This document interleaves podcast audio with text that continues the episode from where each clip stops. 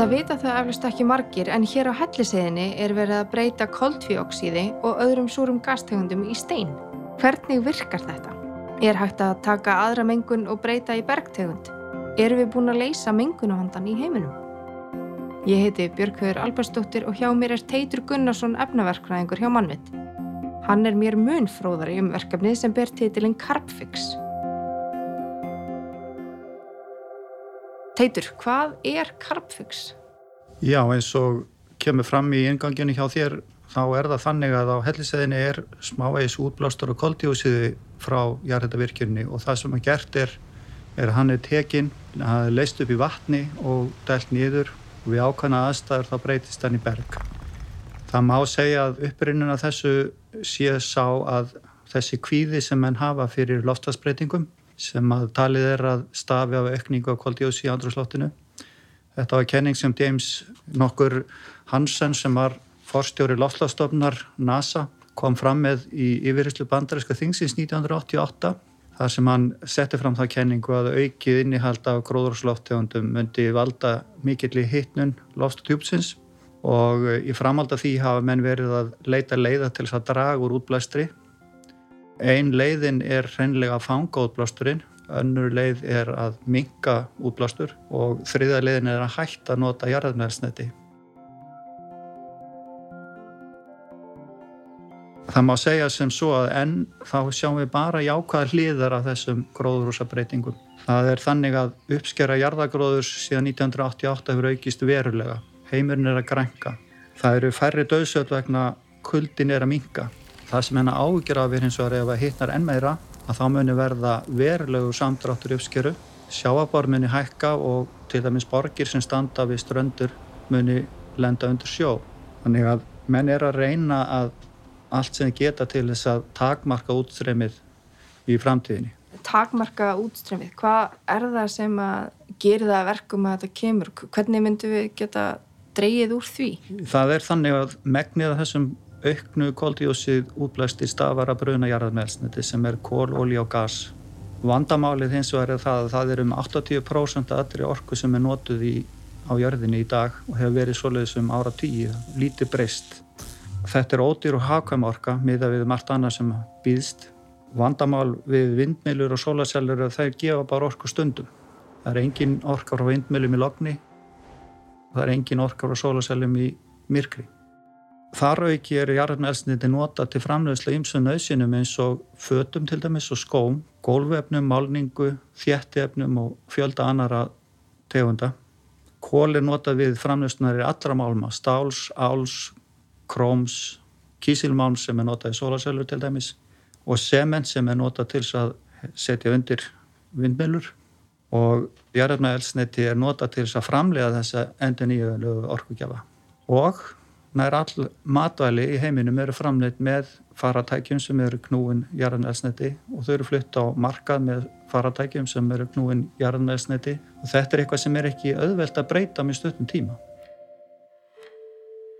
Þannig að við þurfum í rauninni að fara í algjörðan nafnarskoðun til að fara að huga að öðrum orkugjöfum en jarðefna elsnetis. Já, menn eru náttúrulega búin að reyna mikið við vindmilur og, og sólarsellur en það þarf eitthvað meira til menn eru eins og ég sagði áðan að draga úr nótkunn með því að búa til hakvæmari og sparnetnari bíla. Það er búið að skipta út ljósaperum fyrir leddperur sem að draga úr orkunótkun þar verlega og svona þurfa menn að halda áfram. Eitt sem ég held að menn komist ekki hjá er að skoða kjarnorku aftur. Og betur hann gert hefur verið. En ein leiðin er semst svo að fanga koldjósið og menn byrja á því strax um 1990 og það eru mörg verkefni sérstaklega í samtöðu jargasiðnaðin sem hann hafa fangað mikið á koldjósið í normenn sem dæmi hafa fangað koldjósið á sleipnisvæðin í Norðursjó núna um meirinn 20 ár og þar binda þeir yfir miljón tonna koldjósið á ári og setja það niður í gamlar óljulindir. Og er þá bara gamlar óljulindir fullar af koldjóksið?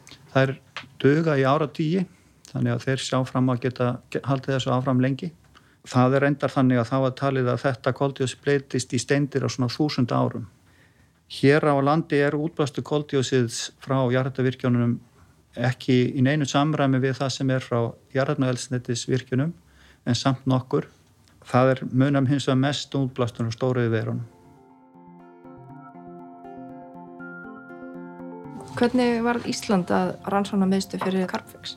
Þannig var að ég fór að vinna hjá mannviti um árið 2000 eftir að hafa verið 20 ár hjá öðru fyrirtæki þar sem ég notaði mikið gasþvott og fyrsta verkefni mitt þar var eh, umhverfsmatur í stekkunni að sjálfavirkjunar þar sem ég komst fljóðlega því að þar var vandamál á ferðinni vegna brennisteins vettnismengunar. Ég fór að leita að leiða, síðan skömmu síðar þá var ég líka með umhverfsmat hellisæðavirkjunar og þá skoði ég þetta aðeins betur og komst að þeirri nýðist að vassvotur væri sennilega besta lausnin til að losna við menguna brennisvetni. Síðan þegar að hellisæðavirkjun tók til starfa 2006 þá var þetta að vandamáli höfðborgsvæðinu vegna mengunar af brennisvetni og þá var ákveðið að undirbúa það að fara í vastvot. Einar Gunnljósson sem þá var rannsóknar og þróunastjóru orkveitunar, hann kvati til nokkara sérfræðinga í jarðarnafræði og þeir settu fram þessa hugmyndir um að fara með þetta í niðurrensli og binda það. Og úr þessu var það alþjóðlegt samstarf sem leiti til þess sem kalla var Carpfix og Sulfix sem er sittur hlýðin og sama peningnum, má segja. Því að það er þvegið saman allt, allur útblástur úr frá virkunni og þvottastöðin eða loftreynsistöðin eins og hún er kölluð, hún fær um 98% af brennsvetninu en um helmingin af koldjósinu. Þetta er síðan sett niður í jarðhættageimin við ákveðnar þrýsting og hitastig og þar kvarfast gasteguna við bergið og mynda steindir sem að þýðir að þær verða fastar þar að eilifu. Koltjóksun sem fyrir það niður, hann kemur ekki aftur upp? Nei, ekki samkvæmt eh, mælingum sem að gerðar hafa verið bæði í hólum í kringum þær hólur sem að niðurdælingin á staði og eins á yfirborði þá verðist þetta festast algjörlega á einu til teimur árum nú dælum við niður þessu koltjóksi og úr því verður berg. Er þetta eitthvað sem við getum tekið eftir upp og unni með? Er þetta ráefni sem er notæft? Nei, það er það nú ekki. Þetta er binding kólefnis og á ennsku kallað carbon capture and storage. Þú veiðir koldjósiðið og bestir það í berg og það verður þar áfram. Svo er hins vegar til annar handlegur á þessu sem er að veiða koldjósið og nota það, carbon capture and utilization og það er svona aðferð eins og þeir nota hjá sér í svartsengi þar sem þeir nota koldjósið frá orkuverinu þar til að framlega metanól. Og á helliseðin er þegar byrjuð starfsemi þar sem að koldjósið frá virkjunni er nýtt til þess að rækta þörunga sem dæmi.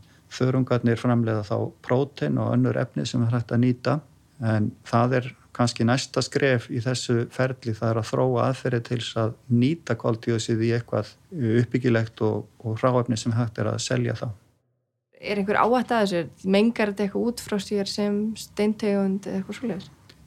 Það má segja að allt sem að kemur upp þá má fara nýður. Þetta, bæði þessi gastegundir, brennstvetni og koldið sem voru komið upp með gufunni og þau fara aftur niður með vatninu sem er búið þá að þjætta gufuna. Þannig að við breytum í sjálfsverðir engu um samsetningun á því sem er í jarðhildageiminum. En nema því leitinu til að ef við setjum þetta á réttum stöðum þá breytist þetta í, í steindir og fræðilega séð gæti þetta aftur breyst í gas setna en það virðist ekki alltaf gera það að svo konu máli. Eitt atrið höfðu minn svolítið ágjur af að þegar að þessar gastjóndir sem eru kallað súrar gastjóndir eru leistar í vatni þá myndast mjög súrt vatn menn höfðu ágjur af því að það myndi leysa bergið upp en það virðist ekki gerast. Það er að segja með því að gasi kvarfast í bergi þá leysist það ekki upp heldur bætir í bergið ef eitthvað er. Þannig að það styrkir það? Já hvað svo? Getur við tekið allan koltjóksið hérna á Íslandi og kólumnisbori orðið bara null með því að henda þessu aftur niður? Það er tilturlega auðvelt að taka allt koltjóksið frá jarðhættavirkjunum vegna að það fæst í tilturlega einföldum ströymi sem er mjög hátt koltjókslutvall. Það væri hægt við allar virkjanir.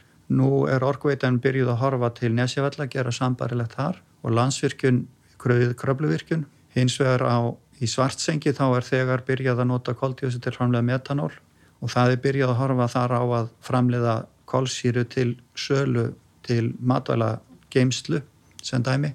Þannig ég held að innan tíu ára þá verði meiri minn allar jarðhætta virkjanir orðnar kólumins lödlausar.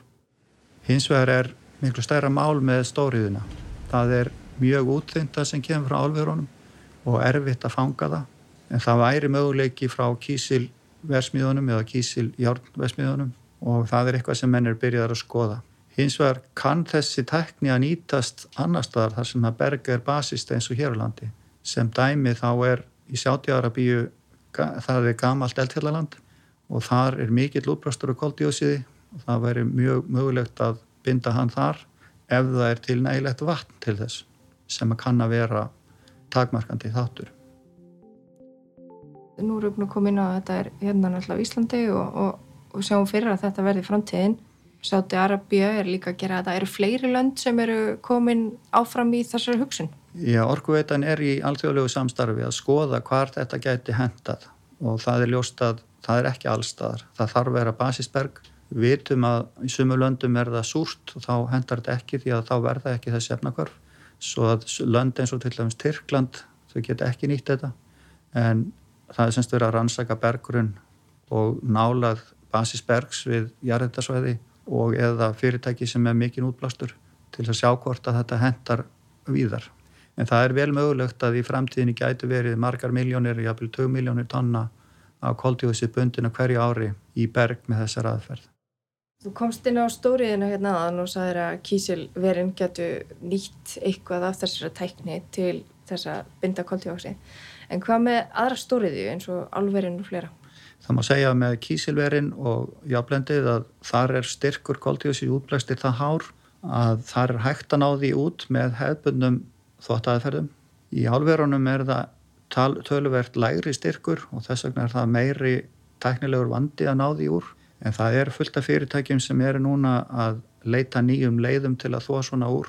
Eitt af þeim er upp á helliseiði kallað Climeworks sem að reynsar koldíósið úr andrúslótti og þar er styrkurinn aðeins 0,04%. Það er þó 10-25 sinum meiri styrkur í álverunum þannig að ef þeir geta náð völdum á þeirri tækna náðus úr andrúslótti þá verður hægt að ná því úr útblæstri álveruna.